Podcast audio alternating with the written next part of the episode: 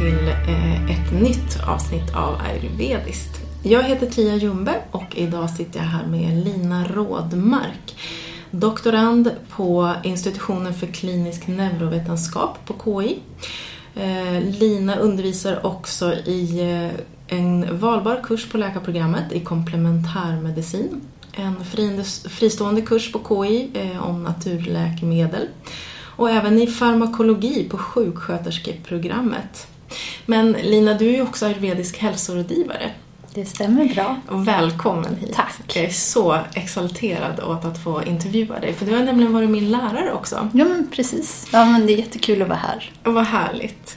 Eh, du eh, undervisade ju pulsläsning bland annat på mm. Eh, den utbildning jag gick till ayurvedisk hälsorådgivare på Skandinaviska ayurveda akademin. Precis. Du kan fortsätta berätta om dig själv. Ja, ja men eh, Lina Rådmark heter jag ju, som du sa.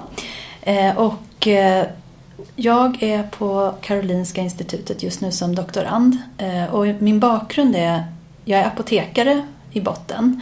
Och det var under min apotekarutbildning som jag också kom i kontakt med ayurveda. För jag har alltid, alltid liksom tyckt att det har varit spännande med, med växter och ja, men komplementärmedicin överlag. Ehm, och sen så var det på det var någon gång under utbildningen till apotekare som jag fick någon slags livskris och inte visste vad ska jag, vad, vad vill jag egentligen? Jag insåg att jag tyckte att alla ämnen vi läste var väldigt spännande men jag kunde inte riktigt se mig själv på, någon, ja, på läkemedelsföretag eller på apotek så jag fick lite, fick lite ångest helt enkelt mm. och en livskris. Så då eh, kommer inte riktigt ihåg hur jag hittade Johan, men jag hittade Johan Ljungsberg. Mm. När var det här? Eh, det var 2000 tror jag, eller 2001 kanske. Mm. Och Johan är ju Eh, den som driver och har startat och driver Skandinaviska eh, Ayurveda-akademin. Precis, en av de mest erfarna Just det. Han var ju, Jag intervjuade ju honom i en podd här för den, finns, den ligger på, Just det. det är mm. ett av mina, mm. mina, mina egna favoritavsnitt. Meditation och yes, så. återhämtning. Ja.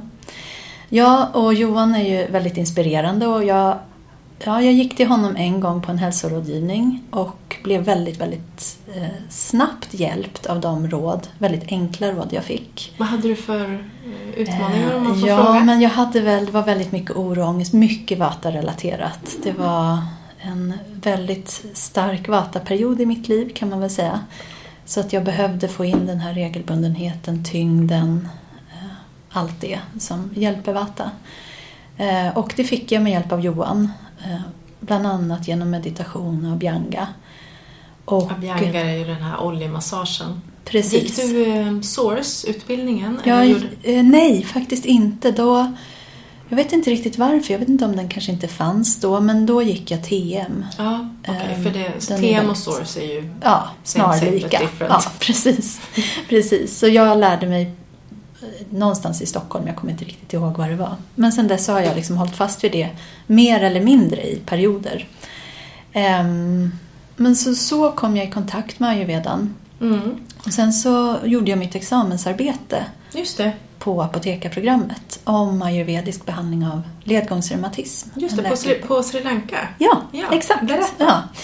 Jo, det var en lärare, en av mina lärare på Uppsala universitet. Hon blev kontaktad av en man i norra Sverige, Lennart Ram, ehm, som berättade att han tillsammans med flera vänner och bekanta runt om i norra Sverige hade varit nere hos den här Dr. Vijay som han heter på Sri Lanka utanför Colombo. Och det var så många av dem som hade fått väldigt goda resultat. Det var både ledgångsreumatism men också MS och Parkinson. Så att han tyckte att det här är någonting som man faktiskt borde titta lite mer på från vetenskapens håll. Eh, och kontaktade då hon som blev min handledare, Primilla, på Uppsala universitet. Och eh, via henne, kan man säga, så fick jag komma ner till Sri Lanka. Fantastiskt. Berätta mer, hur länge var du där? Jag var där i tre månader, det var 2002. Så jag och en, en eh, kompis, vi var nere i tre månader och fick följa med den här Dr. Vijay Singh när han behandlade, det var en kvinna som han behandlade med panchakarma. Och panchakarma det är ju den här eh, renings... Eh, behandlingen kan man säga i fem steg. Ja, med, fem vägar Precis. för rening. Mm. Ja. Och man kan ju använda en eller flera av de här vägarna. Och han, han, vi fick ju inte vara med på alla delar. eh, Men vi fick se när hon fick eh, oljemassagen som en abhyanga.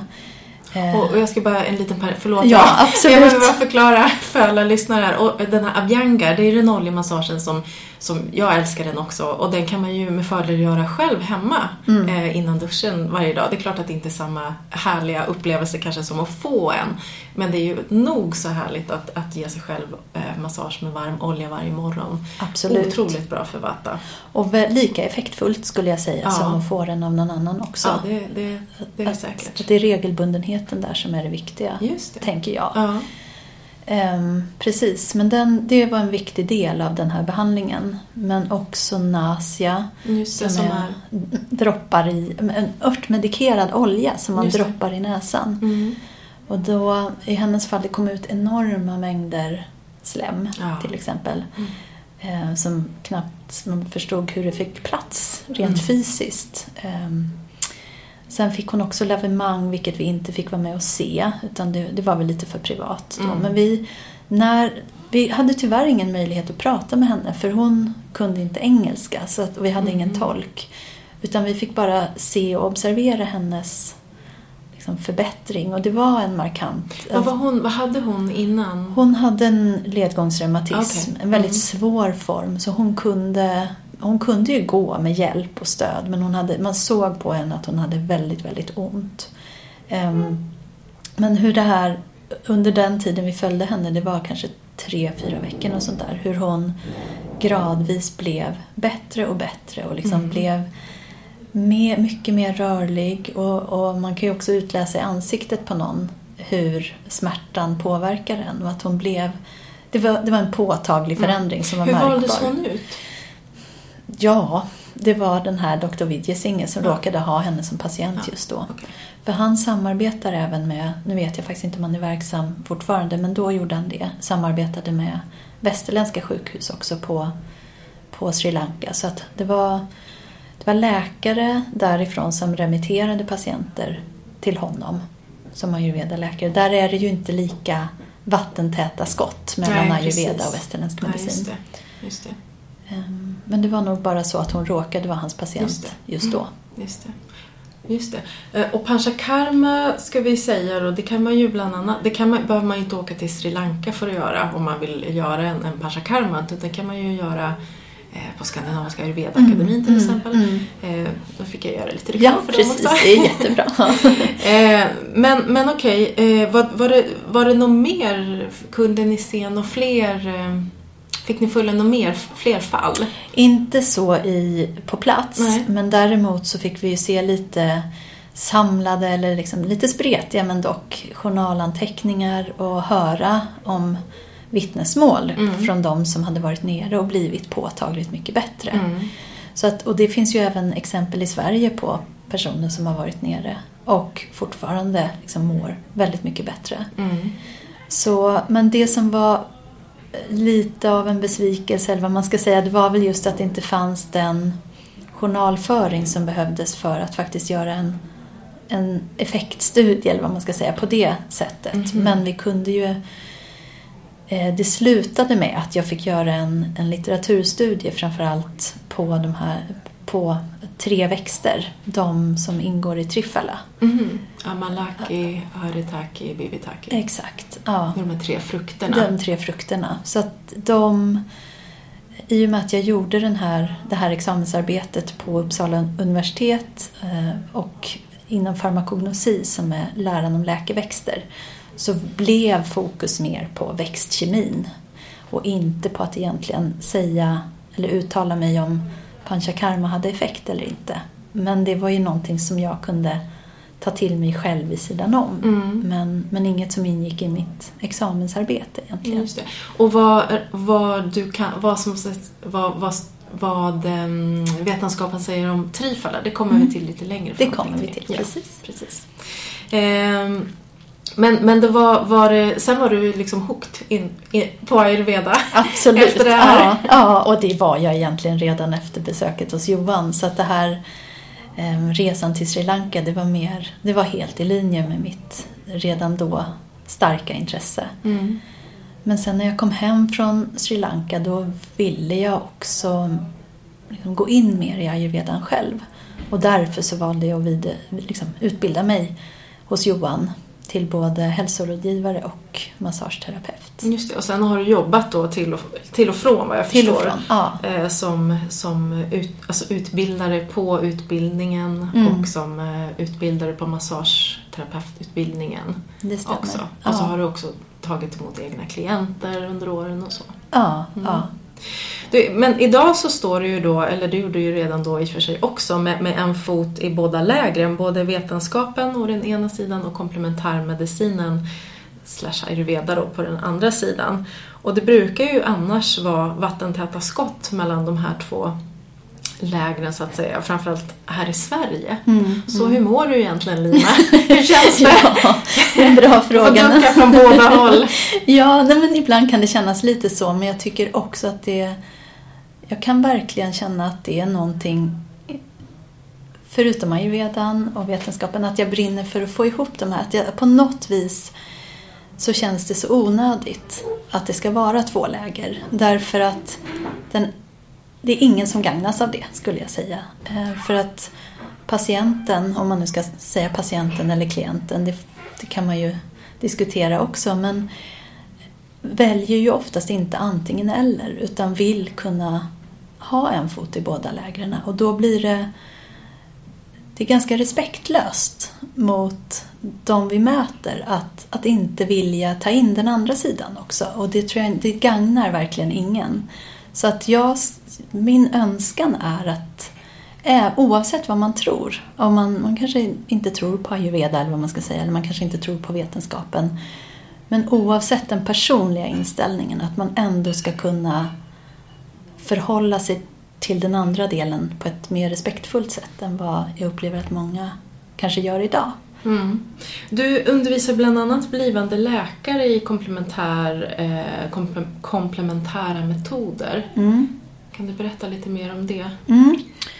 Det är en kurs på läkarprogrammet termin 6 som är valbar. Ehm, Så det är en, en kvinna, Johanna Höök Nordberg, och jag tillsammans som håller i den här kursen. Och det brukar vara runt 15-16 studenter på den, här, på den här kursen. Hur många poäng är kursen? Eh, Den är på 7,5 poäng. Och vad innebär ja, det? det är väl ungefär fem veckors heltidsstudier. Så att eh, Av läkarprogrammets... Ja, det är ju fem år drygt. Och det är som sagt en valbar kurs, så det är inte heller alla som, som går den. Däremot så står det ju i läroplanen för hela läkarprogrammet att man ska, eh, att det här ska vara obligatoriskt. Dock är det inte riktigt så idag. Men nu håller de ju på att revidera hela läkarprogrammet. Så vi jobbar väl också på att försöka få in det här som en, faktiskt som en obligatorisk del. Vad ingår i kursen då? Vad hinner man Ja. gå igenom på fem veckor? Ja, det vi gör, det är mycket studiebesök faktiskt. För vi har ju inte som målsättning att, att de ska lära sig att utöva ayurveda till exempel. Men däremot så vill vi att de ska kunna ehm, ha ett, ett professionellt förhållningssätt till patienter som väljer att gå till någon, till exempel kiropraktor som räknas dit, ehm, eller antroposof. Men att, att på något vis ehm, skapa, eller ge, ge läkarstudenterna en kunskap kring vad finns överhuvudtaget.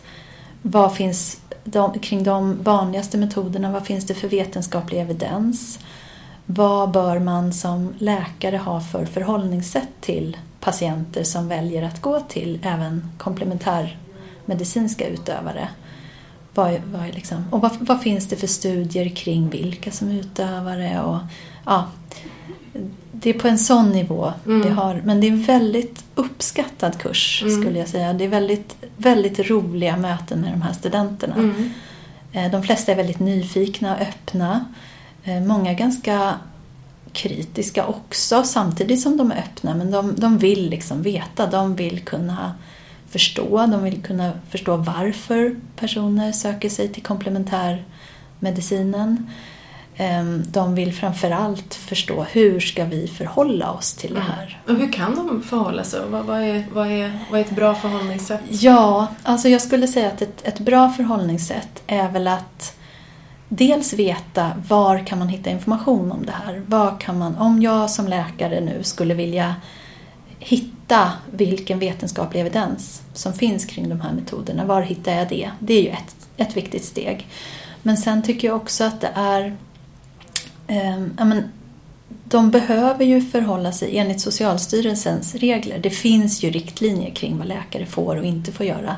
Och inte bara läkare utan legitimerad hälso och sjukvårdspersonal överlag. Och då är det ju att man ska liksom, arbeta i enlighet med vetenskap och beprövad praxis. Um, och det är ju lite, lite av en definitionsfråga kan man ju säga. Beprövad praxis är ju, det, det är ju ändå en det kan ju vara en tradition som ligger bakom också, även om det inte finns några vetenskapliga belägg.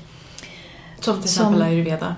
Ja, fast där är det, eh, där finns det också lite mer reglerat att, i alla fall gällande växtpreparaten, att det ska vara framförallt en, i en kultur som liknar den svenska kulturen och där faller ju det lite.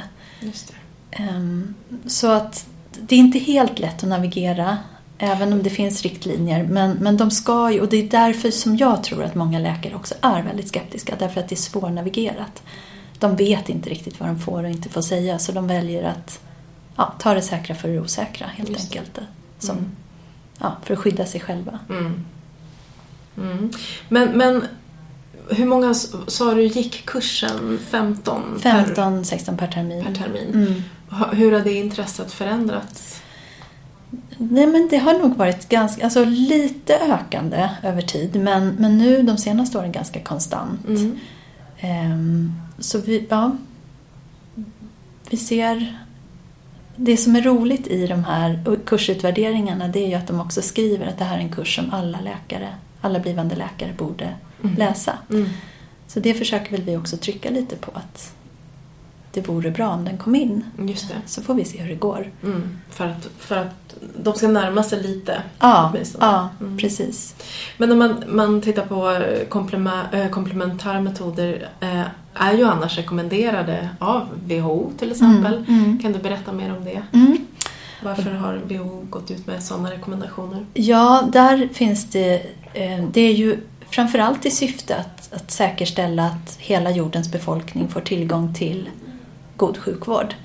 Och till exempel i Indien så är ju väldigt många ska man säga, mer beroende av ayurveda, på, kanske på landsbygden och så att det inte finns västerländska sjukhus eller, och, och likaså i Afrika i vissa länder där att det kanske mer är den traditionella medicinen där som står för, för sjukvården och att då få in de här traditionella medicinska systemen också ser man som väldigt värdefullt inom WHO just för att säkerställa att alla människor ska ha tillgång till god vård. Just det, för att de har ändå funkat De har ändå funkat, år, ja precis. Och de finns på plats. Ja. Så det är en väldigt mycket större...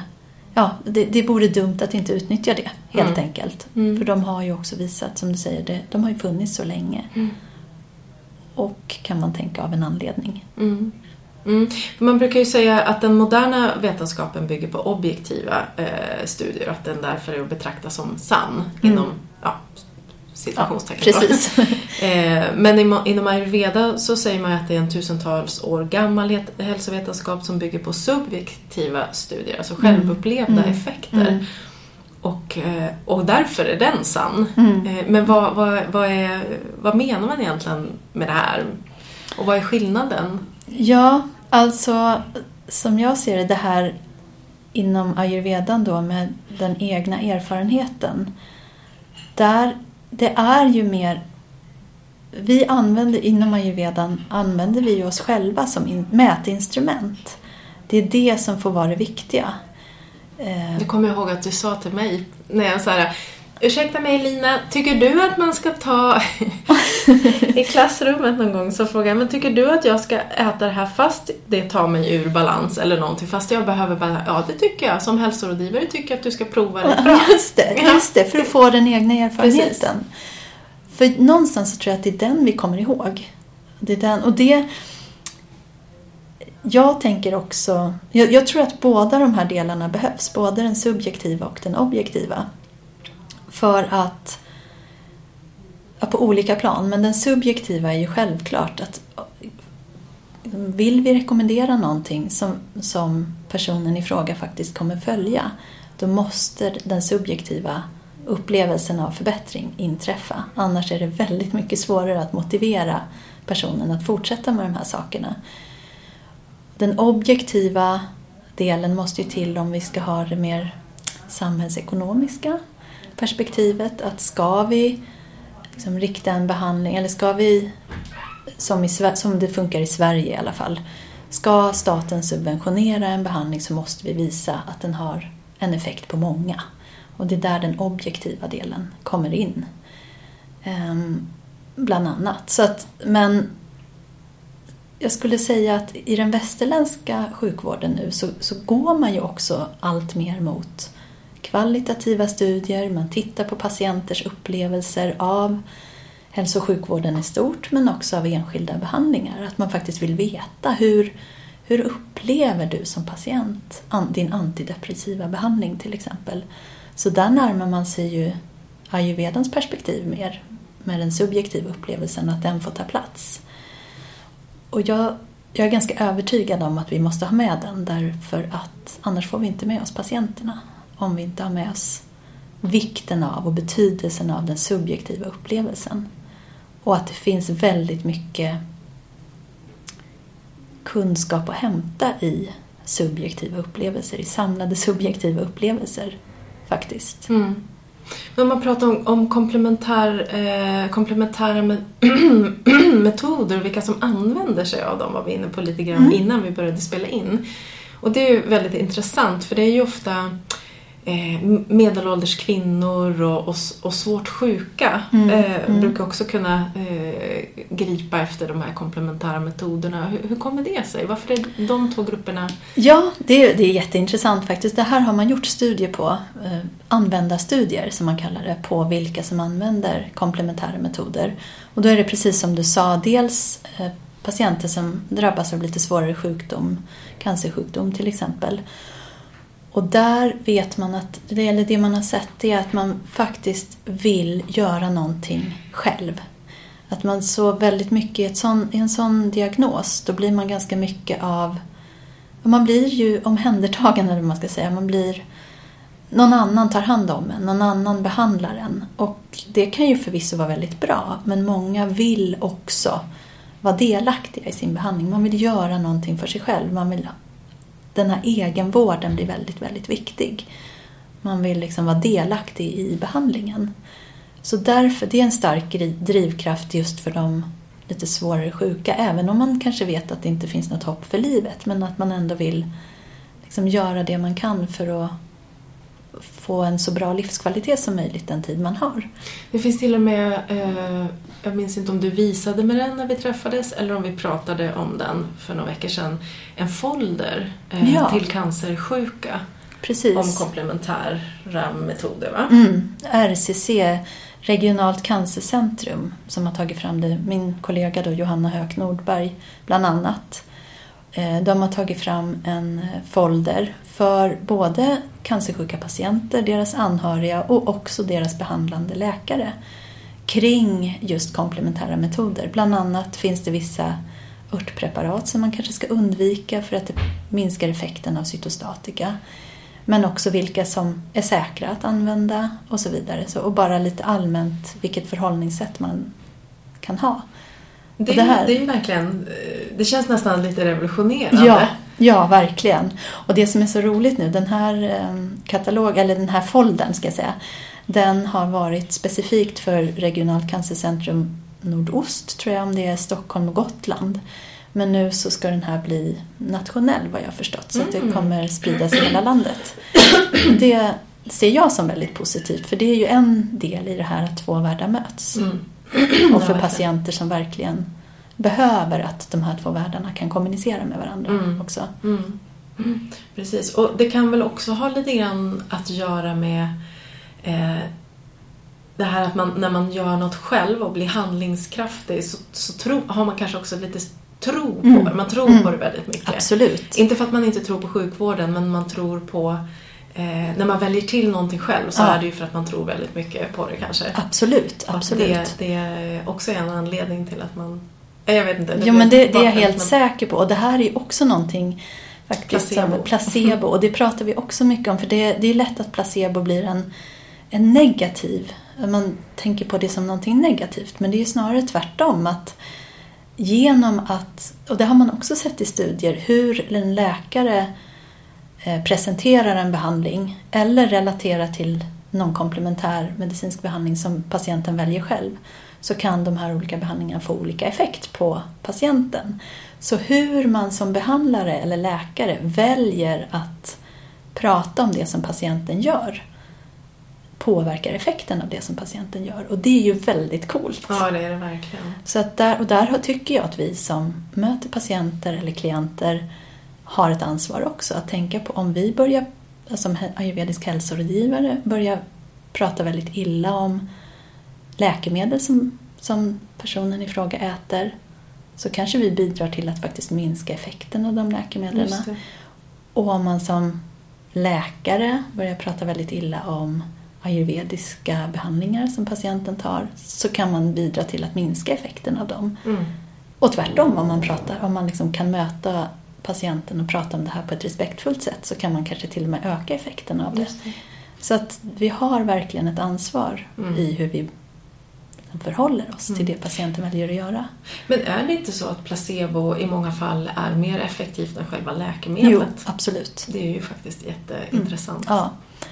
Så placebo är ju verkligen någonting som, och det eh, Och det är ju, har jag förstått, läkemedel som finns ute på marknaden. Ja, ja, absolut, absolut är det så. Placeboeffekten Vår- är ju... Placebo är alltså vår tankekraft Ja. om effekten på... Ja. Eh, det är alltså mer kraftfullt än läkemedel som finns ute i samhället idag. Ja, precis. Och där, man kontrollerar ju alltid när man ta- tar fram nya läkemedel så kontrollerar man ju alltid mot placebo. Men fortfarande är det ju så att när, vi, när ett läkemedel väl finns ute på marknaden och en patient stoppar i sig det så absolut har det effekt i sig. Men, men det är också en placeboeffekt kopplat till de läkemedel vi tar. Fantastiskt. Så att det är ju, jag tycker det är jättespännande Mm. och det är roligt och bra att placeboforskningen är ganska het just nu. Precis, men, men om man, nu kommer vi in på ett sidospår, men Mm. placebo är väldigt intressant. Väldigt intressant. Men alltså, eh, funkar placebo bara om man inte vet att man är utsatt för ett placebo? Eller funkar placebo även om, du vet så här att jag vet att jag inte äter ett piller men att jag tänker mig att jag... Alltså skulle jag kunna tänka mig frisk? Om du inte åt ett piller. Ja, om det inte var en placebo utan det var en, en, en effekt bara av mitt tänkande. Förstår du vad jag menar?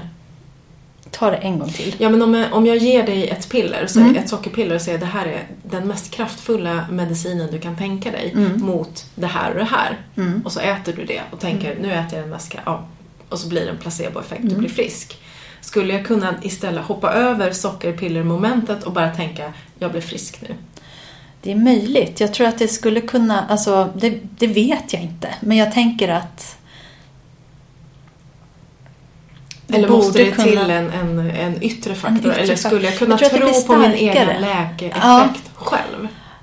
Där är det nog olika från person till person. Om vi tror på vår egen läkande effekt, då tror jag att den, att då tror jag någonstans att vi har att det är större sannolikhet att vi skulle klara av det. Men har vi en skep, med en skeptisk läggning, då kanske någonting yttre behövs mer. Det här har jag liksom inga Nej, belägg nej, för, nej. men det är mer så jag tänker.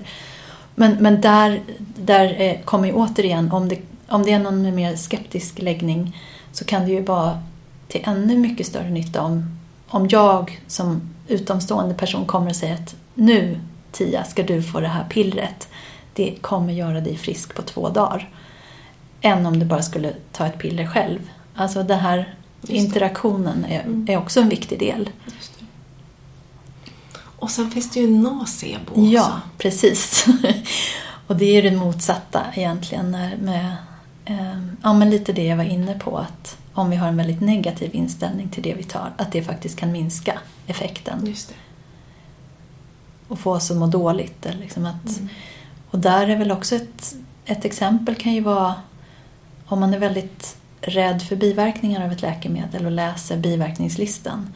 Då är det ju ganska mycket högre sannolikhet att vi känner någonting av det. Har man gjort sådana studier? Eh, inte vad jag vet. Det är mycket möjligt. Det är väldigt gjort, men- spännande. Ja, verkligen. men eh, jag jobbade på apotek ett tag också och det var verkligen tydligt hos vissa patienter att oj, aha, här har vi någon som läser biverkningslistan. Där, där behöver inte jag uppmärksamma personen i fråga på att de här biverkningarna kan, kan du komma att känna. Just det.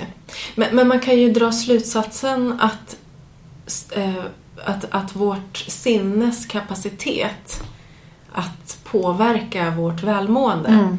är enormt mycket Mm. större än vad vi någonsin kan ana. Mm, mm, absolut. För det visar ju ändå placebostudierna, Ja. för det är de facto inte sockerpillret. Det, det är vi själva. Det är vi själva. Ja, precis. Det är coolt. Ja, det är coolt. Men du, det här med de här kvinnorna då, medelålders kvinnor eh, och, och komplementära metoder, det märker jag också i min, i min eh, verksamhet. Det, Mm. Jag har mycket kvinnor i min egen ålder som kommer. Det är otroligt fint att möta eh, eh, dem. Mm. Och på ett, av en anledning är väl att då kommer eh, många, många års slit med Mm. kroppen eh, Mm. ikapp Mm. eh, och, och man känner av eh, kropp och, och sinne kanske Mm. stora barn och man, behöver, Mm. man har inte så mycket annat att bekymra sig för. Men varför blir det just komplementärsjukvården i större, Ja. högre utsträckning än för män? Där, där har man också sett i studier, det finns det också just de här använda studierna på, att kvinnor i högre utsträckning, i mycket, mycket högre utsträckning ska jag säga, än män, är missnöjda med den sjukvård som finns. Där, och det vet vi också att kvinnor får ett sämre bemötande. Men gud, det forskas ju bara Ja. på män också. Vad Ja, intressant. Alltså, absolut. Alltså, många, nu har man väl börjat ändra på det men väldigt länge så, är ju, så var ju läkemedelsstudier det var ju gjorda på män. Mm. Det, det var ju normen. Mm. Men fortfarande är det ju så att män får tillgång till bättre vård än kvinnor. Dyrare läkemedel, mer effektiva behandlingar, snabbare behandlingar. Så att kvinnor blir sämre bemötta inom vården, det vet vi. men det är ju helt fruktansvärt. Ja, det är fruktansvärt. Det- Och, så att det är ju inte konstigt att kvinnor söker sig utanför vården. Därför att det är många som inte känner sig sedda, som inte känner sig ens trodda. Men har det att göra med vilken typ av sjukdomar det är? Ja, Att det, det- kanske det liksom- har också. Alltså jag vet till exempel fibromyalgi eh, var ju någonting som man länge kallades... va, De personer som sökte för det, det var ju svedvärk och brännkärringar. Ja, Eh, och det är ju faktiskt fruktansvärt. Ja, det det, är så respektlöst och så förnedrande. ja. Det här är riktiga symptom. De, det påverkar deras livskvalitet något enormt. Och de blir inte ens trodda när de kommer till sjukvården. Inte tusan går de dit igen. De, det är klart att de söker sig utanför. Mm. Så att det, det finns ju en förklaring till att det är medelålders kvinnor, skulle jag säga. Mm. Det, och där finns det ju mycket som svensk sjukvård har att lära. Eh, bara i bemötandet, Mm. eh, faktiskt. Men- Men du tror att det framförallt det? Finns det någon annan anledning? Någon koppling till Moder Jord? Ja, men dels det. Dels, och sen så att kvinnor, alltså att vi har ehm, om det nu är biologiskt eller om det är socialt, det kanske inte spelar så stor roll, men att vi har en mer omvårdande roll. Det liksom ligger väldigt nära oss. Och framförallt kanske om man är medelålders, har lite större barn, men man har liksom jag tänker mig att många medel, medelålders kvinnor har pysslat om och haft en omvårdande roll väldigt länge, eller i hela sitt liv kanske. Och sen så, som du säger, så blir barnen stora, det lämnas mer utrymme, ekonomin är säkert lite bättre. Då finns det också möjlighet att ta hand om sig själv och det är någonting som vi kvinnor också har lärt oss mer än män.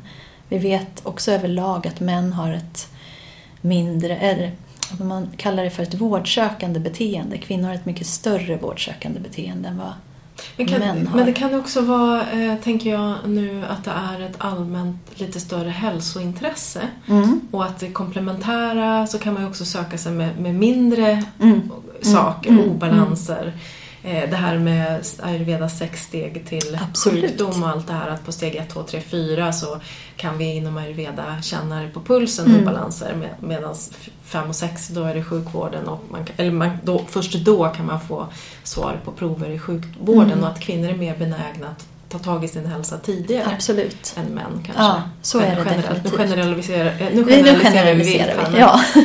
Men också att just ja, yogan ju, har ju blivit allt större och via den kanske man kommer in bland annat på ayurvedan eller andra Och behandlingar. man kanske också kommer in och känner Ja, sig själv och exakt. känner inåt och känner kroppen mer och så. Ja, och jag tror också, nu spekulerar jag, men just vid medelålders, för medelålders kvinnor att man börjar närma sig klimakteriet, att det också är mycket hormonella förändringar som också känns väldigt påtagligt men som kanske inte finns så mycket hjälp att få.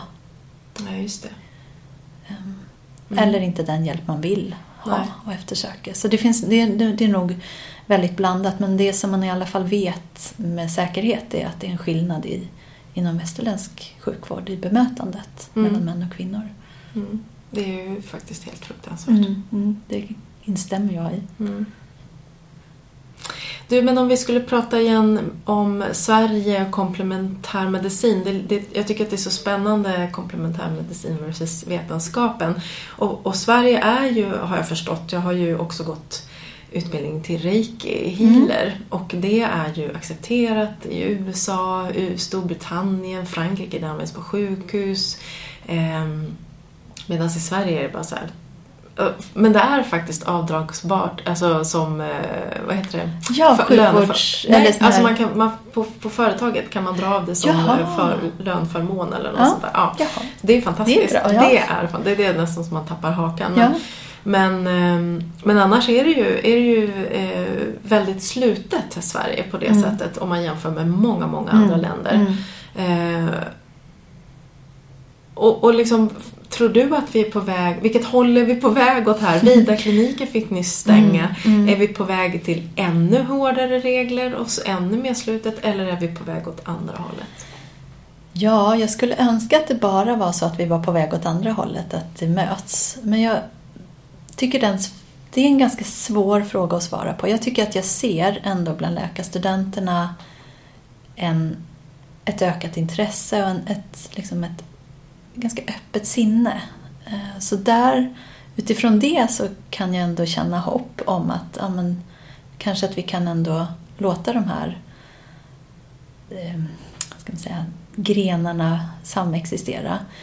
Men sen så finns det ju också, som du var inne på, tecken i tiden som visar på det motsatta. Att Vida-kliniken stängde och det finns liksom krafter som, som vill motverka eh, komplementära behandlingsmetoder också. Så att jag tror att jag tror faktiskt att det kan vara att det går lite parallellt åt båda håll. Mm. Ehm, ja, jag har tyvärr inte mer. Nej, jag förstår. Eh. Varför tror du Sverige har den här, tagit den här rollen? Ja, ja, jättebra fråga också. Alltså generellt kan man väl säga att vi i Sverige har en väldigt stark tro på myndigheter. Ehm, och att det, har, att det kan vara en del i det hela. Ehm, Jag tänker att myndigheterna då blir rädda för att inte kunna leverera och, och stå Mm. upp för det som myndigheterna på något sätt lovar. Ja, Den här ja. enorma Ja. trygghetsleveransen. Eh, leveransen. Mm, precis, så att det blir också någonstans ja, men det här eh, skyddsnätet eh, som, som ju är väldigt fint och bra att vi har i Sverige men att det också kan kanske kan spilla över lite och bli lite för starkt och lite för ängsligt eller vad man ska säga. Att, ja, men vi, vi kan inte har vi inte hängslen och livrem så kan vi inte tillåta det här för det skulle kunna skada någon.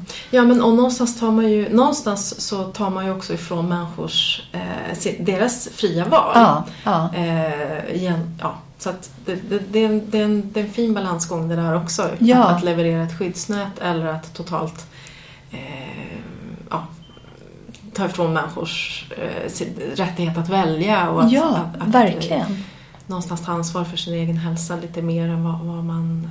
Lite enklare än vad man kan göra idag kanske. Ja. Och där kan jag också tycka att apropå den diskussionen vi hade alldeles nyss med legitimerad hälso och sjukvårdspersonal och vad man får och inte får göra.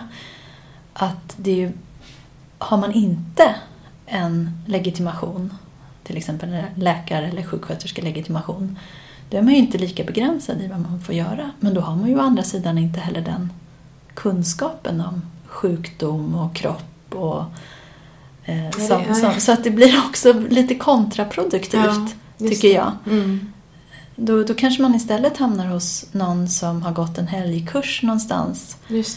Eh, men faktiskt inte har någon mer kunskap än så. Nej. Och det är ju inte mer säkert än om man skulle gå till en sjuksköterska som hade gått den helgkursen. Nej, just det.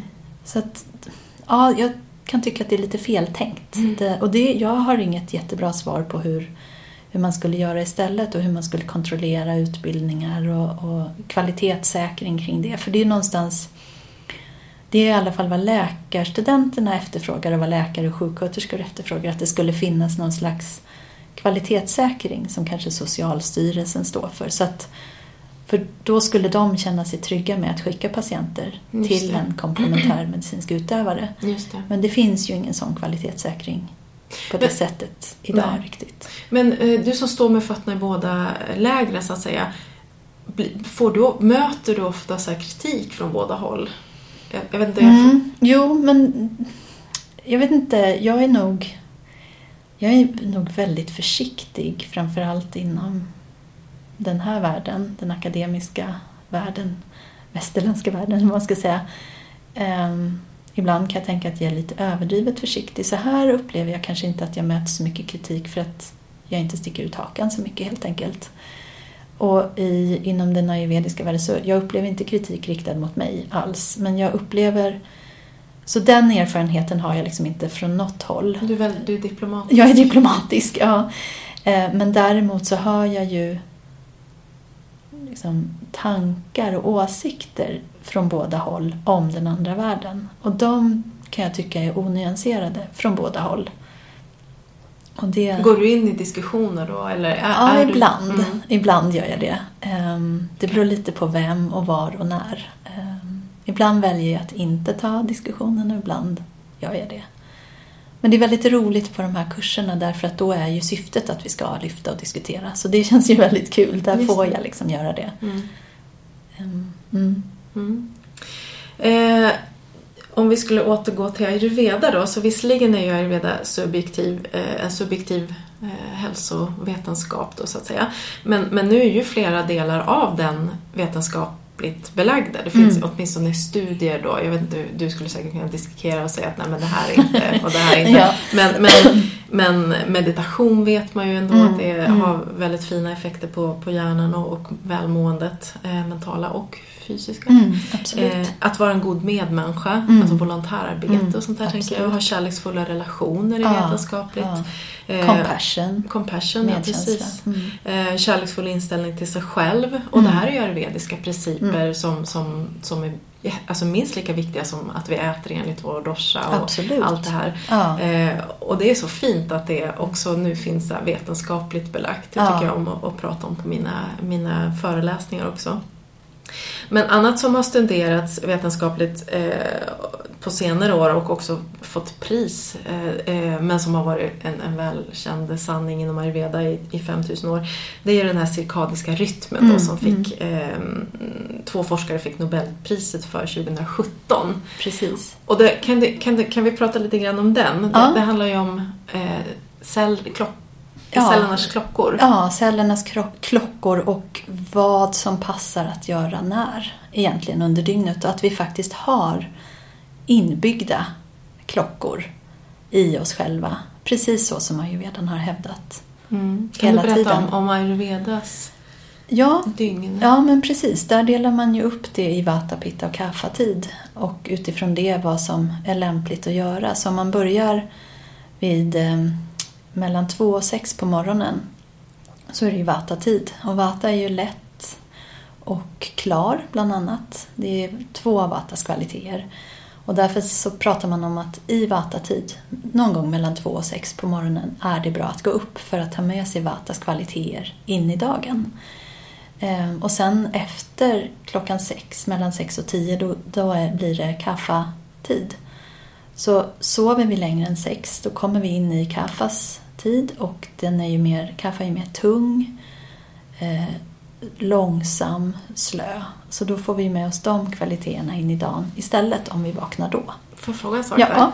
där? Eh, Jag har eh, en sak som har kommit upp på sistone. eh, En fråga om man har väldigt mycket vata-obalans. Mm. Om, så har vissa sagt att de känner sig bättre om de sover en bit in på kaffetiden. Mm. Jag har hört vissa ayurvediska hälsorådgivare som säger att ja, men det, det stämmer, det blir bättre Mm. då. Mm. Då får man mer tyngd och tröghet, vilket balanserar den här obalans, vata-obalansen. Då. Vad, Mm. vad säger du om det? Ja, men det skulle väl kunna vara en... Jag skulle personligen mer se det som en tillfällig lösning. Kanske för att komma till rätta med vata-obalansen över tid. Så kanske medan man gör det, absolut okej. Men, men att målet ändå ska vara att bli så... Att, kaff, eller förlåt, att vata ska komma i balans så pass mycket att det faktiskt går att vakna i vata-tid ändå. Så tänker jag kring det. Jag tror inte att det var det att de inte kunde vakna. Jag tror snarare att det handlar om att om de väljer att Mm. vakna vid sju, åtta så känner de sig mer i balans. Ja, mer...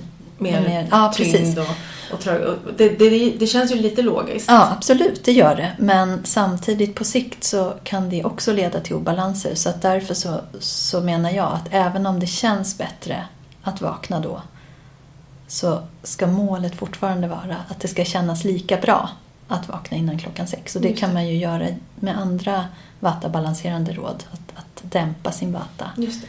Tillräckligt mycket. Mm. Men, men under en tid om det är väldigt stor vata-obalans och man mår väldigt mycket bättre av det så absolut. Mm. Mm. Och sen klockan tio då börjar pitta. Då börjar pitta. klockan två. Ja, ja, och där är det ju då mattid. Det är då vår, vår största, eller vårt största födointag ska ske. För det är då vi har som bäst kapacitet att faktiskt ta hand om den mat vi äter och se till att den kommer ut som näring till kroppens celler. Det stämmer också, ja, det, med det här Nobelpriset, det stämmer väldigt väl överens. Ehm, sen kommer ju Vata-tiden igen mellan två och sex på eftermiddagen, kvällen. Och där är det många som upplever sig som väldigt, ja men en energidipp, lite tröttare och så. Ehm, och där kan man ju också med fördel ta, ha lite lugnare aktiviteter som dämpar Vata. Eh, och sen på kvällen där mellan 6 och 10 så är det återigen kaffatid. Och på samma sätt som vi vill ha med oss Vata in i dagen så vill vi ha med oss kaffa in i natten och i sömnen. Så att somna före 10 är ju väldigt välgörande. Eh, det är ju någonting som vi starkt rekommenderar. Som kan vara ganska svårt att följa i dagens samhälle för många. För sen då efter 10 då kommer pitta igång igen och då blir det mycket svårare att sova. Och där ska ju egentligen där ska ju metabolismen ske och ta hand om det som behöver tas om hand och liksom rena kroppen, rena sinnet. Jag har hört att de, de första vad är det, fyra timmarna, Mm. nästan oavsett när man somnar egentligen, är de allra viktigaste. Mm. Då, det tar fyra timmar, det det, då har de mest livsviktiga funktionerna Mm. återställts, reparerats och rensats ut. Eh, Precis. sådär. Eh, men att, att det bästa är om man, de här två timmarna fram till midnatt egentligen är viktigast. De är viktigast och det är också ur det ayurvediska perspektivet kopplat till att det är då pittan är aktiv och kan ta hand om allt det här, Just rena kroppen. Just det. Och där finns ju också det här Nobelpriset att man också har sett att ja, men, det finns en anledning till att vi behöver sova just de timmarna. Det blir mest välgörande. 10 och 12. Ja, precis. Så det vet jag inte om ingen- det är så satt i tid, exakt de timmarna, men ungefär. Ja. Att, att det är viktigt. Just det, vad spännande. Så att det, ja, det, det är roligt tycker jag när, när de möts även på Ja. det här väldigt konkreta sättet. Ja. Och där nu, finns ju ett annat exempel på någon, en eh, ganska het forskningsgren just nu som man pratar om gut-brain axis. Just det. om det känner du till. Mm. Men där man tittar på, det här det klingar ju också väldigt väl med, eller stämmer väldigt väl med ayurvedans sätt att se på det. För där, det man ser, menar och ser inom gut-brain axis-forskningen det är att det finns en stark koppling mellan eh, psyket och tarmarnas funktion.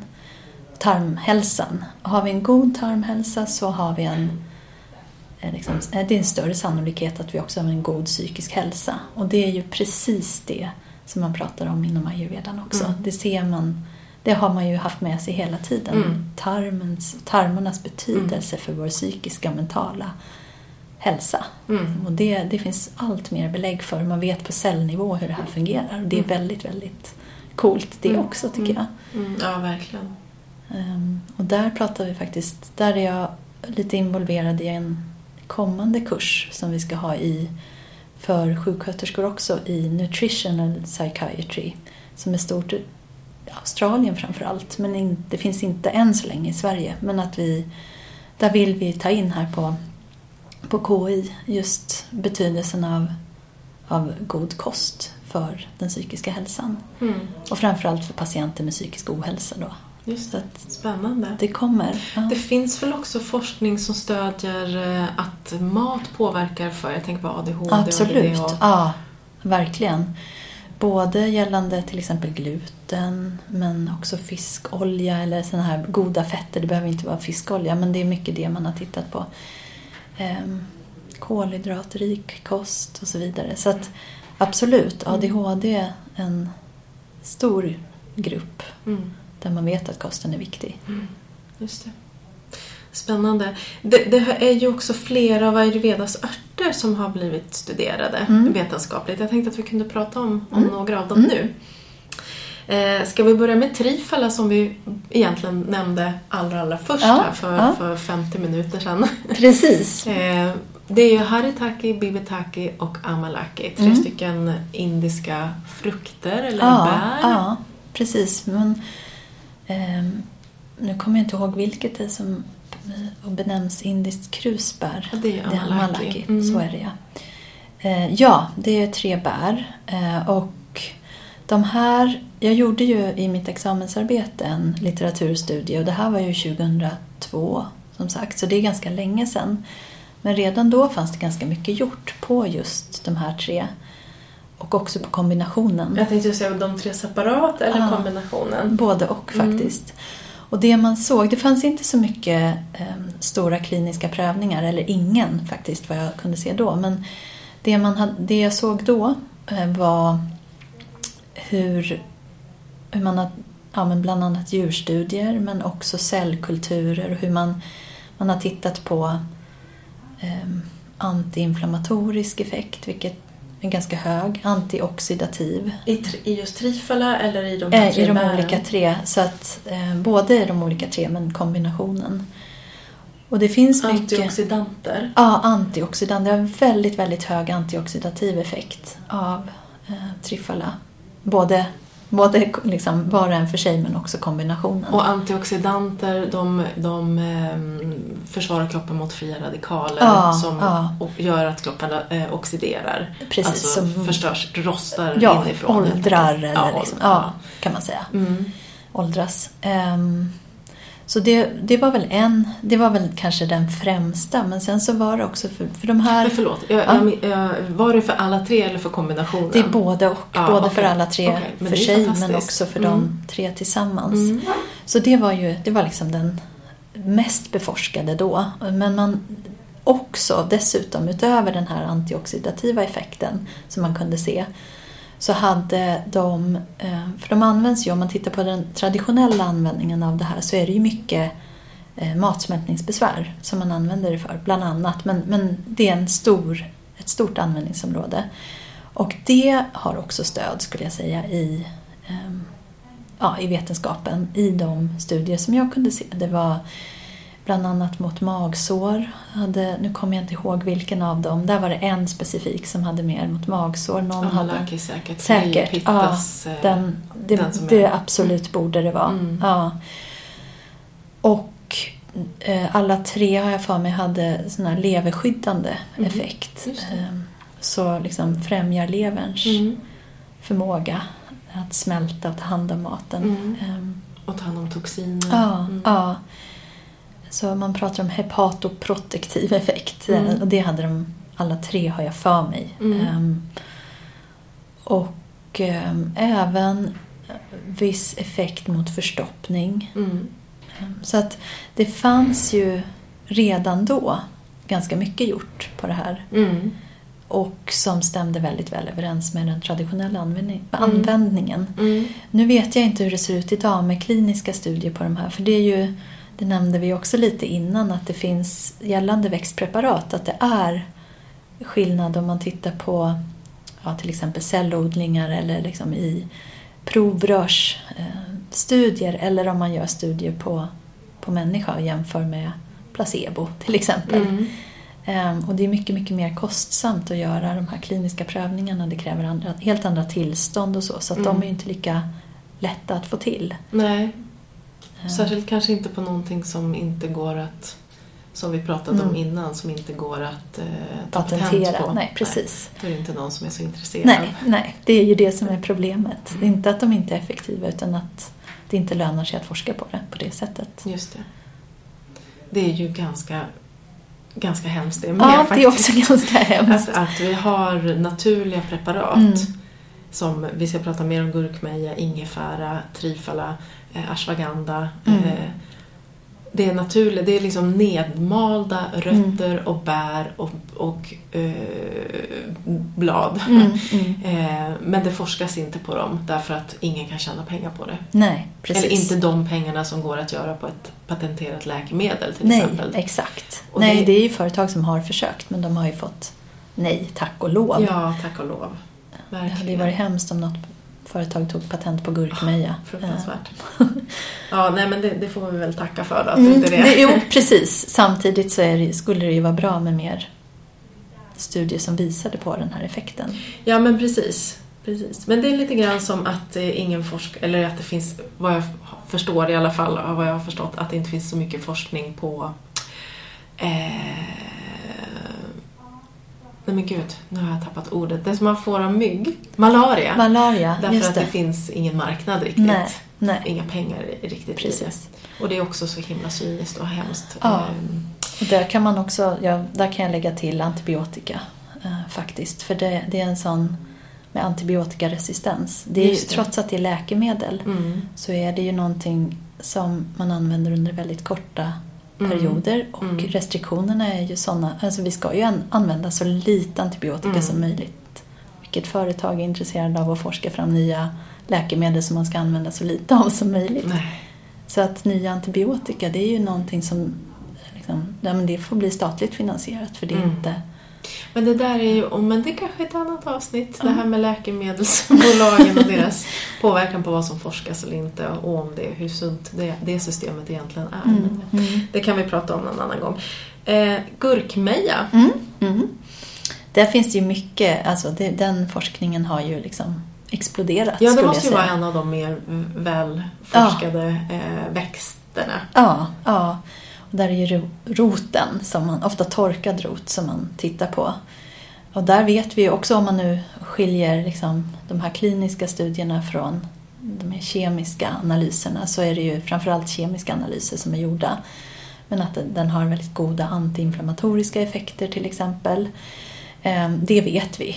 Eh, sen så är det ju ehm, ja, men det man vet att den hjälper mot utifrån kliniska prövningar det är ehm, artros kan man säga, osteoartrit. Ehm, där vet vi att den har goda effekter. Sen finns det många andra som, där det inte finns tillräckligt med bevis för att den har effekt. Det, men det betyder inte att den inte har effekt eller att det är bevisat att den inte har effekt utan bara att det inte finns tillräckligt med material.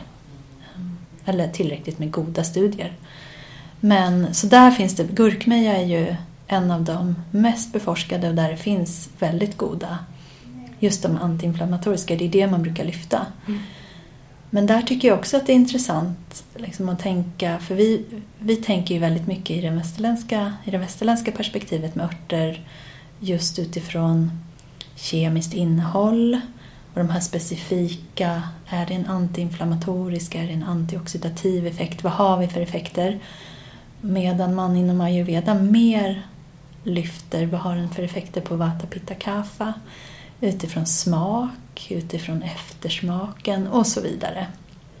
Så att det är ju olika. Det är ju också lätt att man kanske använder gurkmeja, det var vi inne på i ett annat samtal du och jag, men använder gurkmeja lite felaktigt och skapar obalanser. Trots att den... Ja, där är det guldmjölken Mm. som är en sån eh, Jag vet att trend. Lina inte gärna rekommenderar guldmjölk. nej. Nej, och den är ju väldigt... Golden milk som Ja, också heter. precis. Och för, det kan, för mycket av det goda kan bli ju inte heller bra. Eh, Och det kan skapa obalanser, vata pitta obalanser till exempel. Så att ehm, ja, det finns risk med det här också. Att en växt eller en, en ört får väldigt hög status inom forskning och västerländsk medicin. Den lyfts i media som mirakelkur. Folk använder den helt ohämmat eh, och sen så skapas obalanser ändå trots att den... För det är ju det är så lätt att fastna i det. Jag Mm. tycker själv det, att det är jättelätt att fastna i att Mm. ah, men det här är nyttigt, det här är bra. Mm. Ja, Det- men för vem? Mm. Vi har ju en hjärna som funkar så. Den gärna gå till de där enkla som vi har lärt oss. Men vad skulle jag säga? Um, nej, men det är ju verkligen, och speciellt när det blir så här, men, men eh, Golden Milk, men det är ju gott att dricka på kvällen och härligt att sova på. Och, så, och just det, och Vinay som är ju då våran lärare, mm, mm. han, eh, eh, han har ju eh, i, i kompendier och det så, så som vi får lära oss så, så har han ju en dos för matlagning och en Mm. dos för när det är i medicinskt syfte. Mm, mm. Och att, för att det där vet jag att jag läste så här, men, men Vinna det här stämmer, du, ni har skrivit olika på olika ställen. Hur är det med den här egentligen? Ja. Och han säger att ja men det ena är ju, det är klart att använder du det eh, en halv tesked om dagen i x dagar eller en tesked om dagen då får du en annan effekt. Mm. Då påverkar du på ett annat sätt än om du använder en halv tesked i matlagning en gång i veckan. ja exakt. Eh, så att, så att det, det gäller att eh, man vet lite grann vad man, vad man gör, Ja, eh, ja. tänker jag. Ja, precis. Och det är ju också, för den delen, apropå det här objektivt och subjektivt, där, där har vi ju inte riktigt inom västerländsk forskning möjlighet att titta på den subjektiva upplevelsen. av att, där tittar vi ju mer, eller möjlighet kanske vi har, men ja, vi gör det inte, eller det är inte fokus. Ehm, men där är ju fokus istället på vad har gurkmeja för effekter utifrån de här kemiska studierna vi gör? Liksom vad är det en antiinflammatorisk effekt? Ja, de flesta behöver, tänker man sig, en antiinflammatorisk. Om man har någon inflammation, pågående inflammation, då sätter vi in det här. Medan man inom ayurvedan har, där har gurkmeja, där beskriver man det på ett helt annat sätt. Och man tittar på människor på ett helt annat sätt och obalanser och när man tar det här, hur man tar det i kombination med vad. Så det är mycket mer komplext Mm, liksom, än mm. att, att bara säga att gurkmeja är nyttigt för det är Just antiinflammatoriskt. Just det. Mm. Punkt. Mm. Just det. Så att, ja, Mm. olika sätt att se på de här Mm. örterna. Mm. Men du, en, en eh, ört som, som jag älskar och som har hamnat lite grann oförtjänt i skuggan av gurkmeja, Mm. eh, det är ju ingefära. Mm, Det är mm. så här drottningen av, av Mm, örter och mm. den är ju fantastisk. Mm. Både smakmässigt men också eh, eh, i sin effekt. Mm. Och också ganska mycket forskad på. Ja, det är det. Och den var väl liksom från början kanske den stora. Sen så sprang gurkmeja förbi, skulle jag säga. Men, men ingefära, de har ju väldigt liknande eh, effekter som man ser i studier. Där också mot eh, osteoartrit. Där finns det belägg för det. Eh, Den är antiinflammatorisk. Med ingefära vet man också att den funkar mot eh, vad heter illamående och kräkning. Inte alla typer, men, men många. Ehm, så den, den har ju nästan, eller den har fler belagda effekter Mm. än gurkmeja inom västerländsk forskning. Mm. Därmed inte sagt att den är bättre, men, men bara så forskningsläget ser ut. Mm. Just det. Eh, jag skulle också säga, det är ju skillnad också i... Både gurkmeja och ingefära har vi ju tillgång till både färsk och torkad och Mm, mald mm, eh, mm. i Sverige. De flesta av oss i alla fall. Mm. Eh, är det någon skillnad mellan dem? Ja, det är det ju. Och det, det, precis, och det här är ju också någonting generellt med preparat. Både liksom, är det torkad, är den färsk, vilken del av växten är det? För det, ibland så kan man prata om en hel växt, ibland pratar man om roten, ibland om pressaften från en blomma. Ehm, och, så det är ju liksom, det är klart att det spelar roll. Det, det är jättestor skillnad i, om man bara tittar på kemiskt innehåll. Eh, men sen också var växten har växt. Vad, hur har växtförhållandena sett ut? Ehm, vad är det för jord? Eh, vilken period på året har den växt? När har man skördat den? vet man också spelar roll. Så, så utifrån det så ja, det, det finns en skillnad. Mm. Ehm, Men om man tittar på ingefära och gurkmeja, kan man säga så här, ja den torkade är starkare? Där är det, nu kommer jag aldrig ihåg riktigt hur det är, men enligt det ayurvediska perspektivet så, så är det ju att om man tittar på ingefära torkad och mald, att den ena är mer värmande och det kommer jag inte Torkad och ihåg. mald, Ja, det är den som är mer värmande. om jag inte Ja. missminner mig också. Så är det, det, Mm. Du har säkert rätt. Jag brukar alltid blanda ihop det där. Mm. Vi har inga pärmar. Så- nej, vi har inga pärmar. att kolla. Ehm, så, så Jag kan kolla det- upp det och skriva det i bloggin, blogginlägget. Jättebra, Så ja, så för det vi- finns en skillnad Ja, enligt det ayurvediska precis. sättet att se på det. Det finns definitivt en skillnad enligt västerländsk forskning Mm. också. Så Gäller det gurkmeja också? jag vet inte hur det är med ayurvedan, det måste vara en skillnad, Mm. det är jag ganska säker på. Det, inom västerländsk forskning så finns det en skillnad. Mm. Men gällande ayurvedan måste det vara Ja, på liknande Ja. sätt som för ingefära. Jag kan inte Mm. tänka mig nej. något annat. Mm.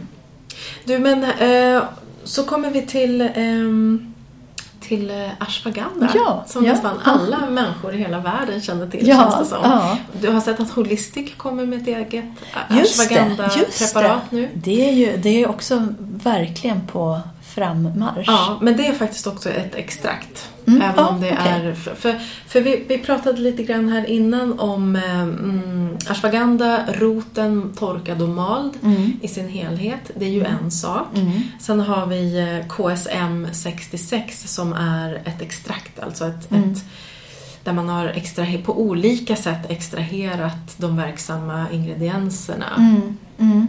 Jag vet inte exakt hur den där extraktionsmetoden Det finns ju flera till. olika, det är ju det som är... eh, Det är, precis, och det är det som är så lurigt med de här växtpreparaten också. Därför att om man, i alla fall om man vill ha vetenskapliga belägg för det. För att om bara för att man har sett att ett preparat har effekt, ett extrakt av det här har eh, effekt, så vet man inte att ett annat extrakt har effekt.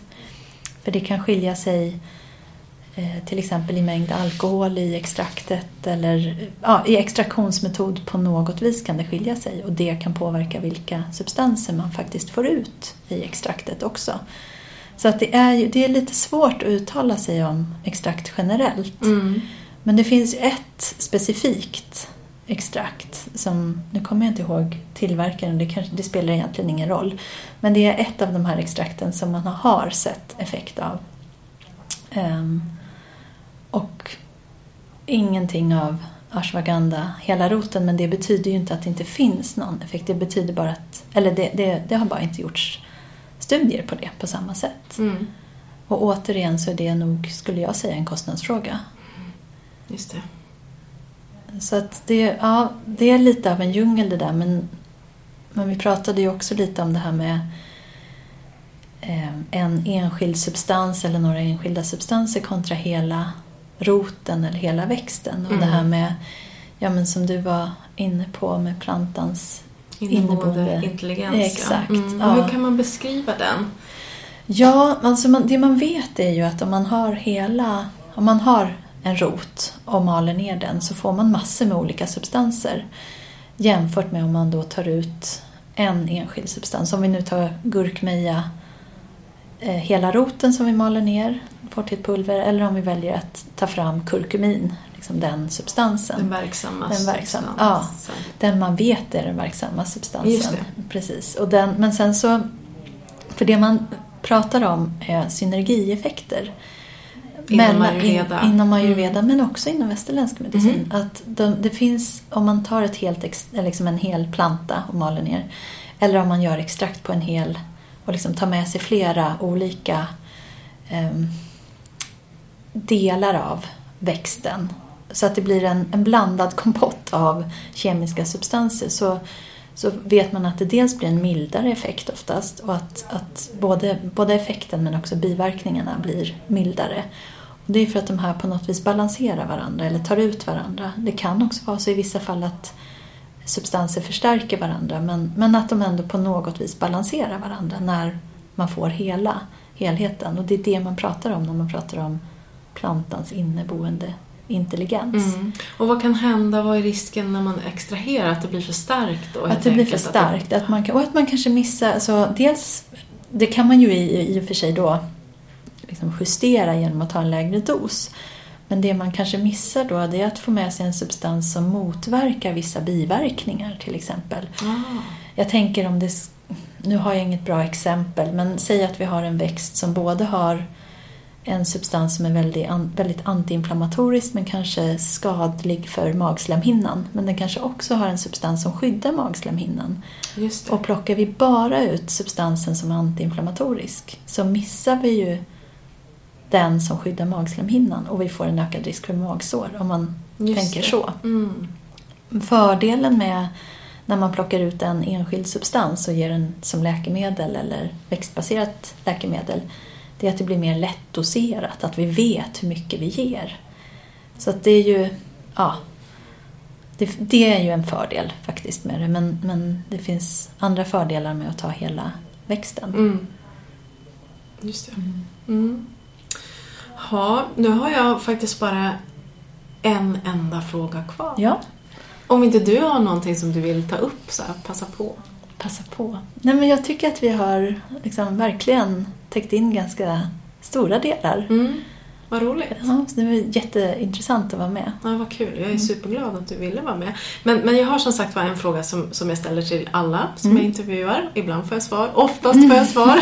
det var Jinel som inte ville svara på hur han någon dagliga... Nej men det är så här, det, det är en fråga om um, en morgon eller kvällsrutin mm. ur ayurveda som du håller fast vid och försöker eh, genomföra. Mm på en hyfsat regelbunden basis. Det var mm. Ginal, han ville inte svara han ville på det. Nej.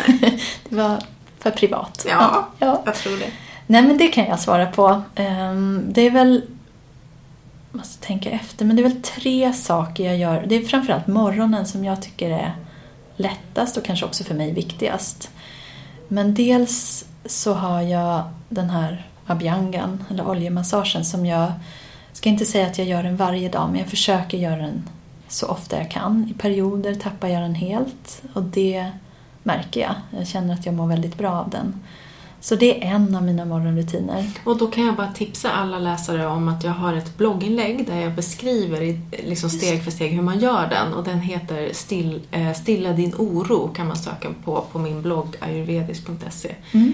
Och jag gör den också mm. Eh, fem dagar i veckan ja. och den är ljuvlig. Och den är, det är en väldigt bra beskrivning det där Stilla din oro. Det är ju verkligen Mm. effekten av den. Jag skrev den faktiskt eh, efter att jag hade läst ett, ett, eh, någon studie som visade att ja, men taktil ja. beröring verkligen lugnar. Ja. Eh, och då handlade det om hos andra. Men jag tänker att det, det som vi också konstaterade att det gäller ju säkert när vi rör oss själva också. Absolut, absolut. Ja, självmedkänsla och Exakt. Mm, självkärlek. Mm. Um, ja, men, så det är en. Sen så Eh, brukar jag alltid ta lite varmt vatten och GI på morgonen. Ehm, som det första jag får i mig. Liksom. tycker jag känns väldigt välgörande för hela, hela mitt system egentligen. Och sen brukar jag på samma sätt som med abhyangan eh, försöka få in meditationen på morgonen. Eh, det är där den är lättast att få in. Jag vill gärna få in den på eftermiddagen också men där, det är inte lika lätt. Nej. Eh. Plötsligt har man ätit middag ja, och det är exakt. sent. Precis. Jag vet hur det är. Ja. ja, så det var mina tre. Ja, vad fint. Tusen, tusen tack. Tack själv. Eh, underbart att få prata med dig. Detsamma.